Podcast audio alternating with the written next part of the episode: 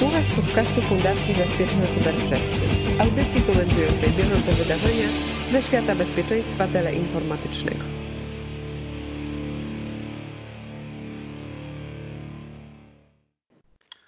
Dzień dobry, witam serdecznie na kolejnym odcinku naszego podcastu CyberCyber. Cyber. Tym razem rozpoczynamy już drugą setkę e, naszych podcastów, 101 odcinek, e, ważna druga setka, ważny gość również na na starcie tego, e, tego nowego etapu w życiu e, podcastu. Pan prezes Adam Marciniak, PKO BP. Bank, ale nie, nie będzie dokładnie tylko i wyłącznie o, o, banku. Ze mną jest również Marcin Frączak, szef polskiego oddziału Cloud Security Alliance. Czyli już wiadomo, że raczej będzie o chmurze, bo i PKO i Cloud Security Alliance to punkt wiążący overlap to, to jest przede wszystkim, myślę, e, że chmura. Także witamy Panie Prezesie. Dzień dobry, witam serdecznie. Cześć Marcin. E, no i właściwie to ty się znasz na chmurze, nie ja się znam na chmurze. Ja będę w czasie tego podcastu trochę udawał, że się znam na chmurze. Znam się bardziej na zarządzaniu incydentami, a że zarządzanie incydentami też w chmurze na pewno musi być ogarnięte, więc e, postaram się gdzieś tam e, popisać swoimi kompetencjami w tym zakresie i pewnie włączyć się do rozmowy, ale Marcin, bardzo prosiłbym o Ciebie, żebyśmy no, spróbowali tutaj się dowiedzieć jak najwięcej, bo wokół chmury to już tyle się dzieje, że właściwie pełne zachmurzenie, że tak się wyrażę. Tak, co, co, co mnie cieszy, ja, ja, wykorzystam ten czas antenowy, że tak powiem, na to, żeby trochę w dwóch zdaniach chociaż powiedzieć, czym jest Cloud Security Alliance. E, więc e, no, Cloud Security Alliance powstało już w 2012 roku, polski oddział. Jego głównym celem jest poprawa cyberbezpieczeństwa w chmurze i tak zbudowanie w ogóle świadomości wokół e, chmury, a realizujemy to poprzez różne szkolenia, programy certyfikacyjne i publikacje wielu takich standardów i poradników. I ja się właśnie cieszę, że teraz te inwestycje się pojawiły bardzo potężnych graczy na rynku polskim, między innymi Microsoft i e, Google. E, no i tutaj właśnie dziękujemy e, za, tak, za tak znakomitego gościa i chciałbym się zapytać, bo wyniki wielu badań pokazują, że takie główne korzyści, jakie wskazują ankietowani z korzystania z usług chmurowych, to no, na pierwszym miejscu dynamiczna skalowalność, no i oczywiście optymalizacja kosztów ale że my się bardziej koncentrujemy na cyberbezpieczeństwie, to chciałbym pana prezesa zapytać, czy uważa pan, że bezpieczeństwo też może być przewagą, czy raczej wyzwaniem w modelu chmury? I takie trochę podchwytliwe pytanie, czy poziom bezpieczeństwa usług i danych przetwarzanych e, w modelu chmury jest wyższy czy niższy od tych przetwarzanych w centrach danych należących do banku? Tak. Dziękuję za to pytanie i dziękuję przede wszystkim też za zaproszenie. Oczywiście no, pytanie jest kontrowersyjne. Natomiast biorąc pod uwagę, że rozmawiamy tutaj o bardzo zaawansowanych centrach danych wykorzystywanych przez setki tysięcy firm na całym świecie i jednak dążenie do pewnego standardu jakby usług, funkcjonalności i też standardu bezpieczeństwa, to uważam, że, że poziom bezpieczeństwa w, w, w środowisku chmurowym oczywiście jest na jednym z naj, najwyższych poziomie, e, poziomie z racji inwestycji, doświadczeń i, i różnego rodzaju, można powiedzieć, przypadków, które, które mają miejsce. E, nie chcę oczywiście to porównywać, jeżeli chodzi o PKO, bo PKO w miarę patrząc z punktu widzenia wielu lat jakby budowania w sektorze finansowym nie tylko tego, tego leadershipu, takiego zmiany, budowania cyfrowego, cyfrowego otoczenia, tej dojrzałości takiej cyfrowej, no tutaj też jakby bardzo mocno inwestowało w tą część cyberbezpieczeństwa i, i jak na razie odpukać e, te, te, te metody, te, te, sposoby zarządzania, te systemy i, i, i cała jakby polityka zarządzania cyberbezpieczeństwa w banku dobrze się sprawdza. Natomiast oczywiście patrząc, y, jeżeli mówimy o y, generalnie o bezpieczeństwie wykorzystania czy działania w świecie zewnętrznym, teraz już zdecydowanie można powiedzieć, że najbardziej niebezpiecznym ogniwem jest użytkownik końcowy, czy to jest klient, czy to jest administrator, czy to jest y, programista. To, jest ci, to są te można powiedzieć, miejsca, gdzie obecny jest fokus całego cyberświata przestępczego do tego, żeby się dostać i, i w jakiś sposób penetrować organizacje. Że panowie doskonale wiecie, że wszystkie teraz światowe różnego rodzaju największe straty i największe, największe problemy to jest właśnie to, że została skompromitowane, można powiedzieć, środowisko klienta czy pracownika, który, który w głównej mierze świadczył to zdalnie i przez to też jakby dostawali się przestępcy do organizacji. Także tutaj e, bezpieczeństwo tych e, jednostek, zarówno chmurowych, jak i naszych centrów danych uważam za bardzo wysokie. Natomiast no, fokus, jeżeli chodzi o ochronę, teraz jakby bardzo mocno jest przeniesiony na stronę klienta. Okej, okay. jeszcze jak sobie przypomnę, to wiele lat temu E, znaczy kilka dosłownie lat temu jeszcze wiele osób tak patrzyło z politowaniem, jak e, rozmawialiśmy, że sektor finansowy też e, mógłby się przenieść do chmury. No więc mam pytanie, kluczowe systemy bankowe w chmurze, science fiction czy najbliższa przyszłość? Uważam, że to jest oczywiście najbliższa przyszłość. To jest tak, że bardzo dobrze, że przez ostatnie dwa lata jakby ta cała dyskusja bardzo mocno przyspieszyła, zarówno z punktu widzenia jakby tej części architektury i, i, organizacji technicznej, czyli te inwestycje, duże inwestycje e, czy Google, czy Microsoftu, które będą, będą skutkowały tutaj e, data center, które zapewnią pewną rezydencję danych i też ten element e, jakby technologiczny, czyli skrócenia latency, czyli tego opóźnienia, jeżeli chodzi o systemy bankowe, to jest bardzo ważne. Druga rzecz to jest, która była istotna, to przede wszystkim dostosowanie też tych pewnych tych rozwiązań technologicznych do wymagań regulacyjnych. I to jest tak, że przepisy prawa się nie zmieniły, natomiast y, poprzez właśnie taki bardzo odpowiedzialny i dojrzały dialog z regulatorem, tu z KNF-em, została wypracowana pewna, pewien może nie kompromis, ale pewien taki zbiór zasad, który powinien być zaimplementowany przez dostawców chmurowych który z punktu widzenia KNF-u jest interpretowany jako, jako zasady wystarczające do tego, żeby właśnie PKO czy każda inna instytucja finansowa mogła z tych, z tych usług chmurowych korzystać. I to się udało. Najważniejsze jest to, że nawet ostatni komunikat bardzo precyzyjnie definiuje, co trzeba zrobić, żeby, żeby z tych usług chmurowych korzystać. Z drugiej strony operator chmury krajowej, jak negocjował te kontrakty z Google i Microsoft, wymusił też pewne rzeczy związane z odpowiedzialnością, prawda, szczególnie sektor finansowy, to jest ta nieograniczona odpowiedzialność, rezydencja danych, audytowalność podwykonawców, prawda, i tam szereg innych kwestii związanych właśnie z, z tymi wymaganiem szyfrowaniem danych, prawda, zarządzanie kluczami i tak dalej.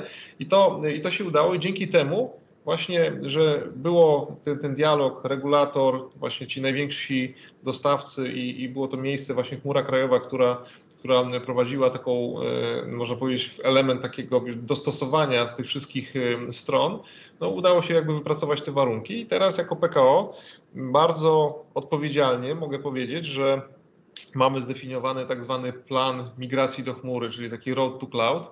Przeprowadziliśmy taki projekt duży, z, taki, taki zbudowanie strategii z, z Business Consulting Group, zrobiliśmy to w taki sposób z premedytacją z dużą firmą konsultingową, która ma doświadczenie na świecie, ponieważ chcieliśmy zebrać jak najwięcej doświadczeń w sektorze finansowym z różnych banków na świecie.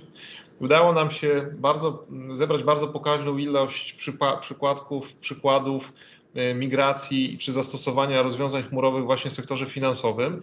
I tu zaczynamy od analityki e, obszarów e, właśnie bankowości mobilnej, elektrycznej, nie elektrycznej, tylko elektronicznej, przepraszam, czy też kwestii takich rozwiązań systemowych typu CRM, aplikacje sprzedażowe, czy nawet różnego rodzaju takie infrastrukturalne E, systemy jak jakieś backupy e, czy zwirtualizowane środowisko, choćby pod, e, pod bazy danych czy serwery aplikacyjne. I zbudowaliśmy dzięki temu na, na doświadczeniach właśnie takich banków jak Capital One, JP Morgan, Barclays, Santander, banki z Ameryki Południowej. Zebraliśmy takich kilka bardzo fajnych przykładów, które po pierwsze E, się sprawdziły, po drugie przyniosły e, korzyść e, finansową dla banku, no i po trzecie najważniejsze poprawiło jakość obsługi klienta. I teraz jako PKO mamy zdefiniowaną taką trzyletnią strategię, gdzie szereg systemów będziemy sukcesywnie przenosić i będziemy tworzyć takie środowisko PKO jako chmury hybrydowej, gdzie co zasady będziemy posiadali jedno data center, drugie data center będziemy chcieli, jak można powiedzieć, już zlikwidować i część aplikacji, tak w cudzysłowie, że połowa systemów, bo to jest tak, że to się tak do końca nie, w ten sposób nie rozkłada, będziemy przenosić do chmury. I takim naszym na przykład już takimi naszymi systemami, które już przenieśliśmy do chmury. To jest cały system do obsługi klienta zdalnie za pomocą wideo, wideokonsultacji. To już y, można powiedzieć w sytuacji covidowej stworzyliśmy tam usługę, która na Google, Google Meet się właśnie pozwala naszym pracownikom bezpośrednio rozmawiać z klientem i to jest już oparte właśnie o usługi chmurowe. Z drugiej strony bardzo szybko wdrożyliśmy cały system Teamsów do obsługi całej organizacji. Mamy teraz 13 tysięcy osób, które już pracuje w środowisku chmurowym w Teamsach i które wykorzystuje właśnie te mechanizmy też szyfrowania danych y, w oparciu o, o, o tą strukturę y, PKO, która została zdefiniowana w, w Microsoft y, Office 365 i dzięki temu na przykład nasi pracownicy mogą spokojnie już funkcjonować w oparciu o rozwiązania chmurowe, ale też, ale już zgodnie z interpretacją też KNF-u. No i nasze ostatnie takie najnowsze dziecko, które zaczęliśmy, to przenosimy nasze bankowość mobilną, nasze ICO właśnie już na rozwiązania chmurowe, na dokładnie na, na, na, Google, na Google Cloud, na GCP i razem ze startem regionu w przyszłym roku zakładamy, że już e, część funkcji ICO będzie, będzie działało w oparciu o chmurę globalną e, Google. No, widzę, że śmiałe i odważne tutaj e, perspektywy są i, i, i, działania, także może to będzie motor też dla innych banków.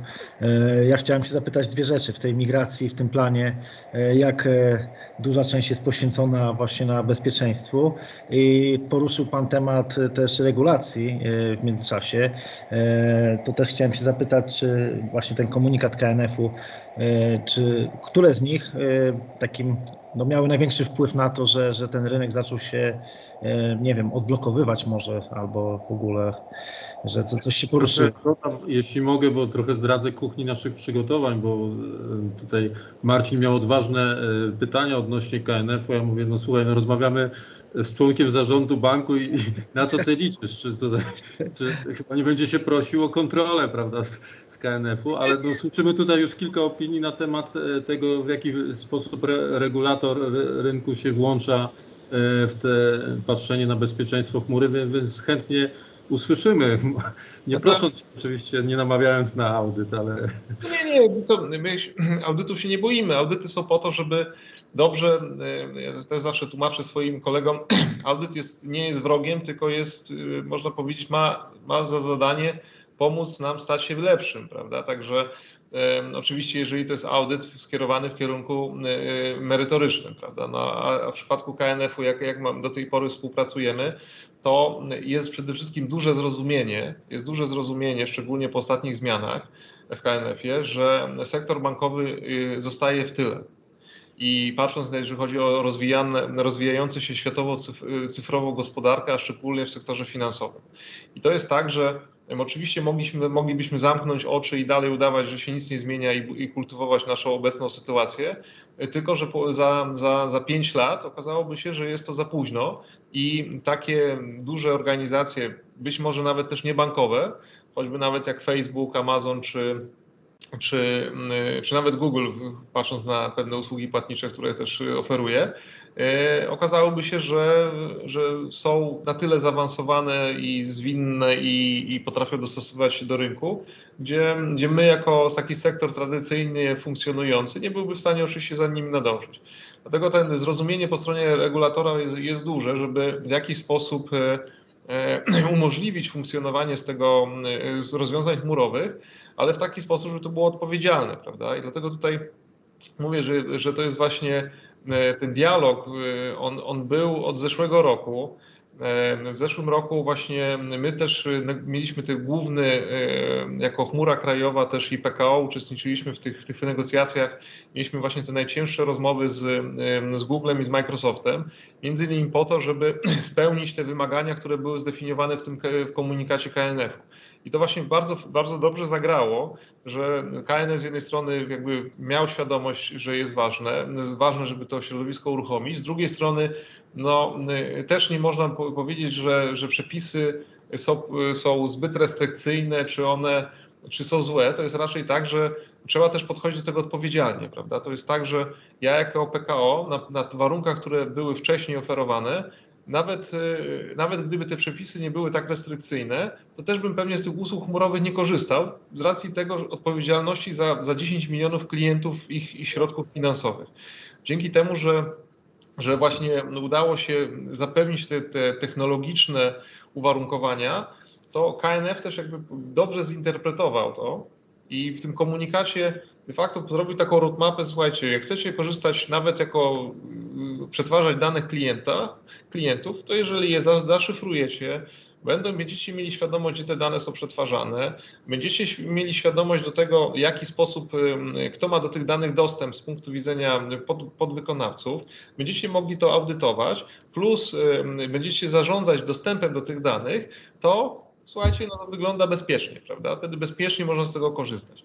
I to jest właśnie chyba najlepsza właśnie taka, e, taka rzecz, że KNF jakby też jakby przygotowując te, te, te rekomendacje, powiedział, że jak spełnicie te funkcje, to wystarczy, że nas notyfikujecie, że, że, ta, że ta z taką usługą idzie, yy, idziecie do chmury, że, że zrobiliście ocenę ryzyka, że to jest bezpiecznie i idzie. I wtedy jakby w sposób taki, można powiedzieć, odpowiedzialny zaczynamy z tego korzystać, prawda? I to jest, yy, i, to chyba było najlepsze w tej, tej, tej całej układance, że, że, że sektor właśnie regulator, właśnie legis, legislator, ale też cały sektor bankowy, wszyscy wiedzieli, że trzeba coś z tym zrobić. No i na szczęście to udało znaleźć się ten cały kompromis. Czyli jak tutaj jesteśmy gdzieś tam w okolicach naszego oryginalnego pytania, czy KNF y, pomaga, czy KNF utrudnia. Oczywiście utrudnia w znaczeniu takim, no mu, musi nakładać, tak, pewne, pewne tak, reguły. Ale, ale pomaga. Do tego pomaga, tak? Tak, tak, zdecydowanie tak, bo można było nie, nie wypuszczać tego komunikatu, można było zostawić to na zasadzie interpretujcie sobie jak chcecie, a my coś, na pewno zrobicie błąd. Tak, a my was później skontrolujemy. A to jest tak, że słuchajcie, tu jest dokładne nasze, nasze zrozumienie. Było kilka warsztatów, które tłumaczy KNF sam jakby zrobił kilka warsztatów, który y, tłumaczył, co rozumie, rozumie przez konkretne przepisy. I na przykład teraz ja, jak y, mam gdzieś widzę, że coś jest na przykład niejasne z tych, na przykład, bo mam, wiadomo, że to są systemy przetwarzania danych, te, te bity, bajty krążą w różnej, w różnej formie. Co to znaczy y, szyfrowanie in, y, in, transit i in rest, prawda? No to są rzeczy, które, jak to rozumieć, czy to tylko do chmury i, i tylko na, na storage'u, czy w pamięci to jest to samo, czy jakby w ramach chmury, jeżeli dane chodzą pomiędzy y, komponentami nieszyfrowanymi, to znaczy, że to już jest y, ujawnienie, czy może nie ujawnienie i tak dalej, i tak dalej. I takich, takich wątpliwości jest mnóstwo. Na szczęście jest fajnie, że można napisać do KNF-u, zapytać, mogą odpowiedzą lub nie odpowiedzą, ale przynajmniej jest, jest, jest jasność, że jest ta ścieżka jakaś wypracowana. Okay. Mnie to tylko cieszy, bo tam widzę w tych komunikacie y, KNF-u dużo informacji spójnych z tym, co jest w materiałach CSA, więc mnie to tylko cieszy, y, że, że, że jest, jest ta y, spójność. Ja chciałem się zapytać też o, o otwartą bankowość e, i e, jakby podejście banków do współpracy e, z, z, tymi podmiotami zewnętrznymi, bo dyrektywa PSD nakłada właśnie na banki udostępnienie za zgodą klienta jego rachunków firmowych podmiotom zewnętrznych, tak zwanych third party providers. I ich lista tych, tych, tych właśnie dostawców zewnętrznych jest dostarczana przez KNF. I często te rozwiązania tych, tych dostawców też są w chmurze. I czy banki podejmują jakieś dodatkowe działania mające na celu weryfikację poziomu bezpieczeństwa y, tego dostawcy zewnętrznego przed udostępnieniem rachunków klienta? Mm, nie, nie jest to w naszych kompetencjach.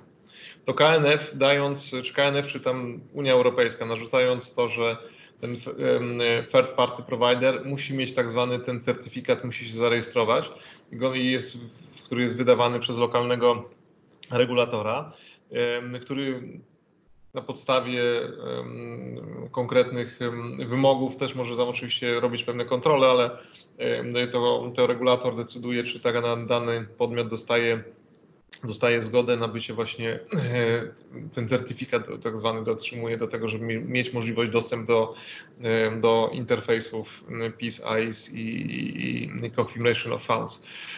I tu jest tak, że My, my jesteśmy, przygotowywaliśmy się oczywiście jako sektor do, do całej tej dyrektywy PSD2. Powstało Polish API, tam już któraś, któraś wersja, bardzo aktywnie w tym uczestniczyliśmy. Dla nas jakby kluczowe było przede wszystkim bezpieczeństwo klientów, prawda, bo widzimy, że Teraz cały wektor ataków jest na klientów i przede wszystkim na phishing, czyli podszywanie się różnego rodzaju na kuriera, na, na, na, na sklep e-commerce i tak dalej. Jest wykra, wykradanie jest tak zwanych credentiali klientów, prawda? I tutaj dla nas było jakby kluczowe, żeby, żeby nie było tego screen scrappingu, którym jest elementem takim, że powoduje, że ten klient de facto nie wie, gdzie ma podawać e, te dane. Nie, ma, nie miałby tego standard, standardu. W związku z tym udało się wypracować ten mechanizm tak zwanego przekierowania prawda, na tak zwanego paybalinka i, i jak na razie ten mechanizm działa. E, I mm, natomiast jakby samo otwarcie na usługi zewnętrzne, one jest słuszne, no bo co do zasady ja uważam, że, że biznes też bankowy zaczyna wychodzić poza ten typowy swój kanon usług bankowych i powinien budować pewne portfolio usług, który klient aktualnie potrzebuje. Natomiast jakby, ale, ale i efektywność adopcji z drugiej strony, można powiedzieć, tych usług poprzez właśnie third party providerów, to jak, jak na razie widzimy jest, jest bardzo, bardzo niska. To nie jest takie proste, prawda? To jest tak, żeby zaimplementować ten interfejs można zrobić, ale z drugiej strony trzeba w jakiś sposób zachęcić tego klienta, żeby on chciał rzeczywiście te twoje, swoje dane ściągnąć i być takim agregatorem, jak na przykład MIMF czy jakiś e, kontomierz, prawda, które są, które od wielu lat gdzieś na tym rynku próbowały tego typu um, um, usługi świadczyć właśnie poprzez ściąganie danych z różnych, z różnych instytucji. Na razie widzimy, że banki między sobą bardziej tutaj korzystają z tych, z tych usług. Natomiast najważniejsze jest to, że gdzieś tam odbywa się w sposób to taki bezpieczny, prawda, czyli jeżeli przejdzie się ten element weryfikacji, który no, klient jest przyzwyczajony, że jednak przychodzi na tą stronę banku, prawda, jest tam, jest ten, podaje te kredensiale na tej rodzimej stronie, to e, e, no to jest to, że nie przyzwyczajamy go, że, że podaje te kredensiale byle gdzie i, byle, i, i, w różnej formie, bo wtedy byśmy stracili ten element percepcji i, i wtedy te problemy phishingowe byłyby dużo, dużo większe. Ale z drugiej strony na phishing też już mamy jakieś tam rozwiązania, prawda? To też jest tak, że gdzieś tam w tej naturze gdzieś ten balans się sam, sam pojawia. Natomiast jakby samo, samo przejście PSD2 jest wdrożone, funkcjonuje, no widać, że jeszcze mm, jest, jest jeszcze trochę czasu, zanim to będzie tak bardzo efektywnie wykorzystywane. To jest tak, że z tymi e, usługami chmurowymi, no w ogóle z tą chmurą jest tak, że to oczywiście od, od zawsze pojawiał się i on nadal istnieje. E, to, to pytanie, i to poczucie ewentualnego zagrożenia, no przenoszę coś do chmury, czy to nadal będzie bezpieczne, tak? I, i my tutaj jakby prowadząc edukację w tym zakresie, mając wiele doświadczeń, no to zawsze mówimy, no właściwie jeśli jesteś e, podmiotem, który gdzieś tam działa, nie jest jakimś olbrzymim podmiotem, nie, nie jesteś, no to no właściwie prawdopodobieństwo Twojej zmiany to jest zdecydowanie w kierunku będziesz bezpieczniejszy, tak? Jak przeniesiesz się do chmury, to będziesz bezpieczniejszy, to jest w zdecydowanej większości e, przypadków, biorąc pod uwagę doświadczenia, jakie, jakimi dysponują środkami bezpieczeństwa nie małe, średnie firmy. Natomiast jak zastanawia mnie jedna rzecz, jak, to jest no, z tak olbrzymią firmą, tak? jak to jest z tą, z tą dużą firmą, bo my znowu jako fundacja od wielu, wielu lat prowadzimy na przykład ćwiczenia CyberExe Polska. W, w sektorze bankowym były trzy edycje takich, takich ćwiczeń. Y, PKO BP, za, co dziękujemy, zresztą myślę, że obopólna korzyść zawsze uczestniczyło w tych, w, w tych ćwiczeniach i, i, my, i myślę, że obie strony wyciągały fajnie z tego E, z tego wnioski, no to znowuż wiemy, ja osobiście nie mam żadnych, e, żadnych wątpliwości, że sektor finansowy, sektor bankowy to na dzień dzisiejszy jest, jeśli nie najlepszy, to jednym z najlepiej przygotowanych w ogóle w obszarze cyberbezpieczeństwa, tak? Swoimi strukturami, kompetencjami, to po prostu musi grać. Ja zawsze mówię, że tutaj jest jakby najkrótsza droga od uderzenia młotkiem do bolącego palca, więc po prostu e, to e, dlatego tak e, dosyć dobrze funkcjonuje. I teraz zastanawiam się, czy tutaj to przeniesienie do chmury, w momencie, kiedy ma się pewność o tym, że, że już się zbudowało pewne struktury, kompetencje i tak dalej, czy tu nie jest odwrotny proces? Czy, czy w związku z tym, że ja czuję się silny, czy, czy przeniesienie do tej chmury nie sprawia, że jednak to pytanie zaczyna być paradoksalnie zasadne? Czy to będzie bezpieczne? Jak, jak ten model hybrydowy, nie wiem, nawet przejścia tego, bo mówiliśmy tutaj. Tak, tak. Z, e, jak to... ja, ja tu jestem. E, ja uważam, że bezpieczeństwa nigdy e, nie powinno się. Znaczy na bezpieczeństwie nie powinno się oszczędzać, a co jakby odwrotnie znaczy, że bezpieczeństwo jest drogie. Prawda? I o ile PKO zawsze y, y, mogło sobie pozwolić na, na, na, różnego rodzaju systemy, na projekty właśnie podnoszące bezpieczeństwo, czyli na ogół staraliśmy się nadążać za, za zmianą biznesu i tak dalej, to y, jestem przekonany, że nie w każdym banku ten poziom, poziom inwestycji był adekwatny, można powiedzieć, do, do potrzeb czy do zagrożenia. W związku z tym mm, nawet postawię taką tezę, w sektorze bankowym, który niewątpliwie rzeczywiście jest jednym z bezpieczniejszych w kraju, przeniesienie do chmury podniesie ten poziom bezpieczeństwa patrząc statystycznie. Ponieważ e, patrząc na przykład na banki spółdzielcze, prawda, na zrzeszenia, patrząc na inne mniejsze banki, e, e, biorąc pod uwagę też jakby krótką kołdrę, jeżeli chodzi o ilość kompetencji, można powiedzieć, na rynku i jakość tych kompetencji, to uważam, że jeżeli pewne usługi będą e, dla wszystkich wykorzystywane powszechnie, na przykład na chmurze, to one istotnie podnoszą, podnoszą poziom e, bezpieczeństwa. I tutaj raczej nie uważam, że to jest kwestia taka, że to jest jakaś tam pogorszenie, tylko wręcz przeciwnie, jest podnoszenie statystycznie. Natomiast trzeba to zrobić, oczywiście jest element zmiany, czyli w momencie transformacji. Trzeba zestawić te wszystkie połączenia, zostawić tak zwane fundamenty pomiędzy chmurami, prawda, trzeba połączyć te e, e, tak zwane strefy zdemilitaryzowane, prowadzić elementy monitoringu zarówno po stronie chmury, jak i po stronie e, tej części infrastruktury własnej.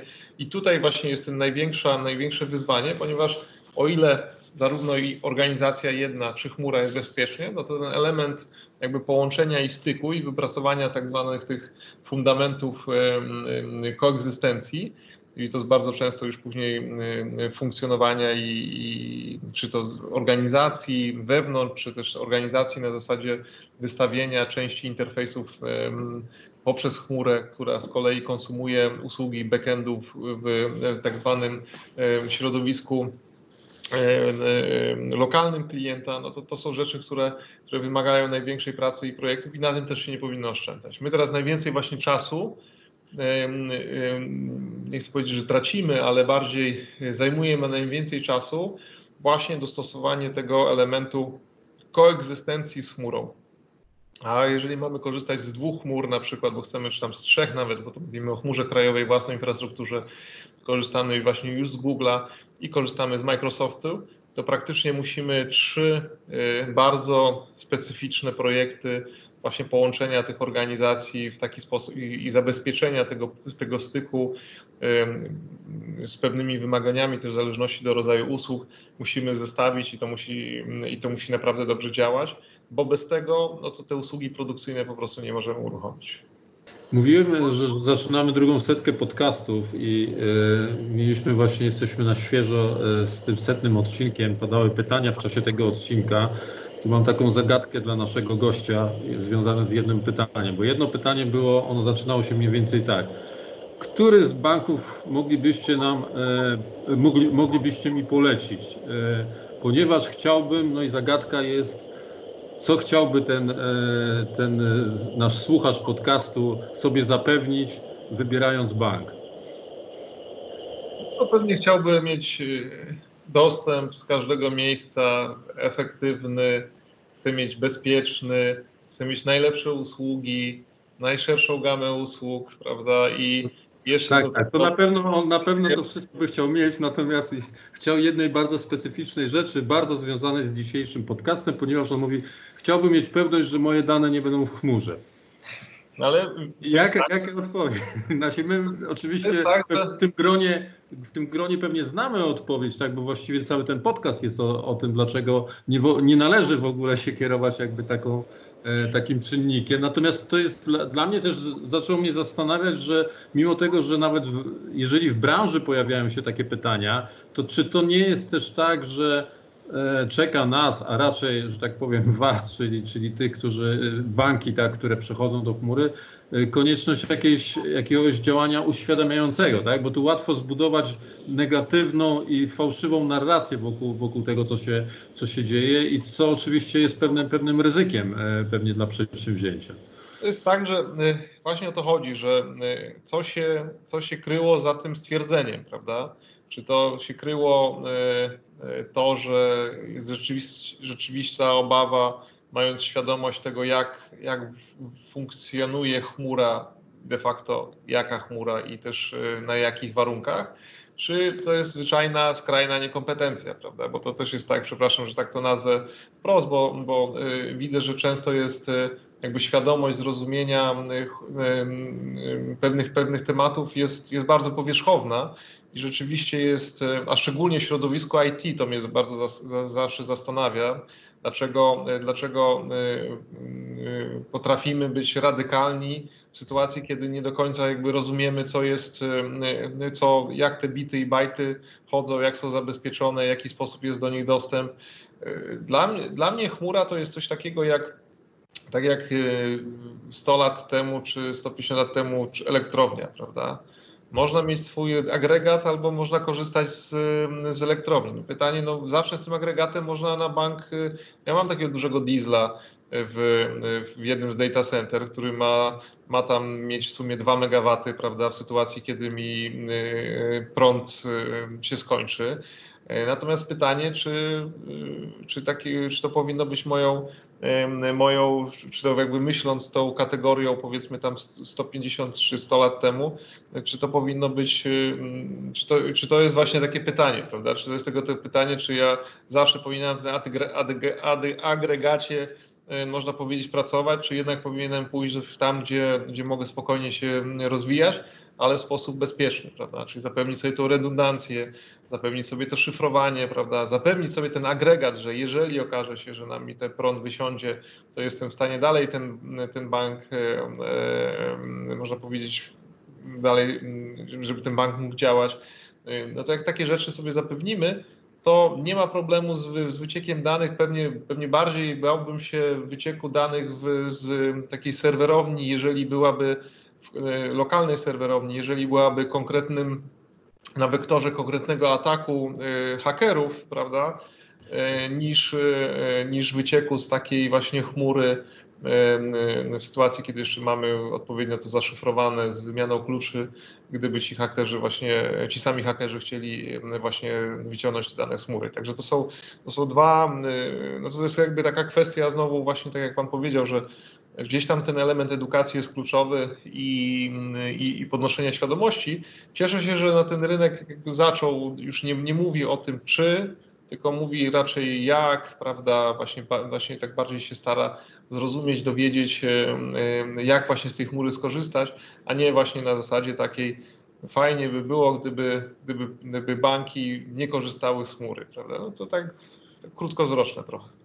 Ja znowu mam trochę, jeśli mogę się podzielić swoimi myślami na ten temat, takie trochę skojarzenia z, ana, z analogią e, z, z, sektorem transportu, gdzie znowuż na przykład występuje ten u wielu irracjonalny z punktu widzenia na przykład statystyk bojaźń przed e, lataniem samolotami, tak, prawda, no bo no bo to jest takie poczucie, że już nic nie możemy zrobić, może fajnie jest pojechać samochodem i okazuje się, że oczywiście tym samochodem znacznie większe zagrożenia nas czekają na drodze, ale, ale myślę sobie, że tak, tak, e, że to może być podobnie, że tu jakby właściwie nie ma odwrotu. Jeżeli chcemy być szybsi i, i sprawniejsi w, w, biznesie w tym wypadku, no to tutaj właściwie nie ma, nie ma innej opcji, tak? Musimy do tego samolotu wsiąść i, i nomen omen on gdzieś tam w tę, w tę chmurę nas z, z, zabierze.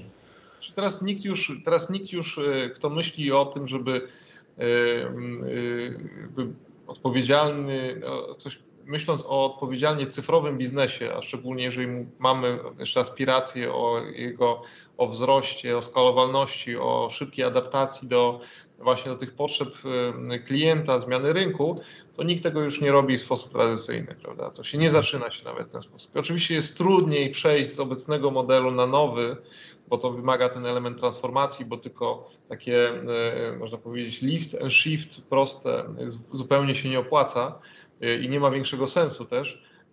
Natomiast takie właśnie budowanie, budowanie biznesu od początku, czyli na przykład jak ktoś zaczyna nową linię biznesową, jakąś analitykę, to tego zupełnie się już teraz nie robi na świecie, na, na, myśląc, że kupmy najpierw sobie serwery, później zainstalujmy jakieś oprogramowanie, to, które zrobimy przetarg, później spróbujmy zrobić jakiś projekt, a później jak nam nie wyjdzie, no to wszystko to spiszmy, prawda, no bo, bo jak nam nie wyszło. No teraz to jest tak, że to się wchodzi, wyklikuje, sprawdza, potestuje, te proof of concept trwają zwykle, można szybko uruchomić, szybko skończyć, wyłączyć, nie ma żadnego elementu tak zwanego straty organizacji, albo one są przynajmniej y, dużo niższe niż, niż jakbyśmy chcieli właśnie zaczynać w taki tradycyjny sposób. No właśnie ta skalowalność to jest też troszeczkę kolejny y, czynnik, który stwarza zagrożenie, bo można szybko uruchomić, bardzo łatwo się uruchamia wiele tych maszyn, wiele środowisk, tylko potem, żeby je też y, odpowiednio tak. wyłączyć, to też trzeba pamiętać. Znaczy to trzeba mieć jakby, właśnie to jest to, że że trzeba z tego umiejętnie korzystać z racji tego, że no billing i faktury mogą przyjść duże. Mieliśmy taki przypadek, że że jeden z, jeden z naszych kolegów puścił przetwarzanie tam i jednak wykorzystał tam kilkadziesiąt procesorów, no i tam okazało się, następnego dnia się zorientowaliśmy, że tak trochę nam to obciążyło, można powiedzieć, budżet, tak, no ale gdzieś tam to też są takie doświadczenia takiego wieku niemowlęcego. Właściwie sobie, głównie do Marcina mówię, uświadomiłem, że, że my właściwie też już idziemy mocno w górę. Tutaj myślę o fundacji, bo nadchodząca coraz większymi krokami konferencja Security Case Study de facto odbędzie się w chmurze, tak? Świat wirtualny, który będzie zbudowany, konferencyjny, sale konferencyjne i wszystko odbędzie się e, w chmurze i, i zapraszamy swoją drogą na, na, tym, na tę konferencję również, również pana prezesa. Będziemy na pewno w chmurze roz, e, rozmawiali, może to będzie kolejny do, dobry moment na, e, na dyskusję. No, no ci, którzy zajmują się chmurą i zajmują się bezpieczeństwem w chmurze, to nie mają wątpliwości, że, że powiedzenie obyś żył w ciekawych czasach się właśnie zmaterializowało. Już nawet nie materializuje, tylko się zmaterializowało. Tyle rzeczy, które się dzieje wokół tego, to już, już wszyscy tak głośno o tym mówią, że szkoda na nowo e, wymieniać. No nam pozostaje jakby trzymać kciuki, zresztą sami się gdzieś próbujemy włączać te, w te inicjatywy i, i chętnie tutaj, e, czy, czy jako Cloud Security Alliance, czy Fundacja Bezpieczna Cyberprzestrzeń, e, na pewno będziemy uczestniczyli w kolejnych e, ciekawych przedsięwzięciach. Też dziękuję, cieszę się, że, że ten rynek się ruszył, także myślę, że tam wiele wiele jest organizacji też wiele takich rodzinnych firm, które, które świadczą usługi chmurowe na tym skorzystają, no bo jakby naturalnie przełamujemy pewną percepcję, prawda? I to jest, i to jest najważniejsze, bo ten rynek jest tak duży, my mamy, mamy taką małą absorpcję, adopcję chmury, prawda, i wykorzystywanie te nasze innowacyjne, w związku z tym też, też kuleje z tego powodu, także wierzę, że, że, że, ten, że, że nastąpiło to przełamanie i że teraz e, zaczniemy tego garściami z tego korzystać.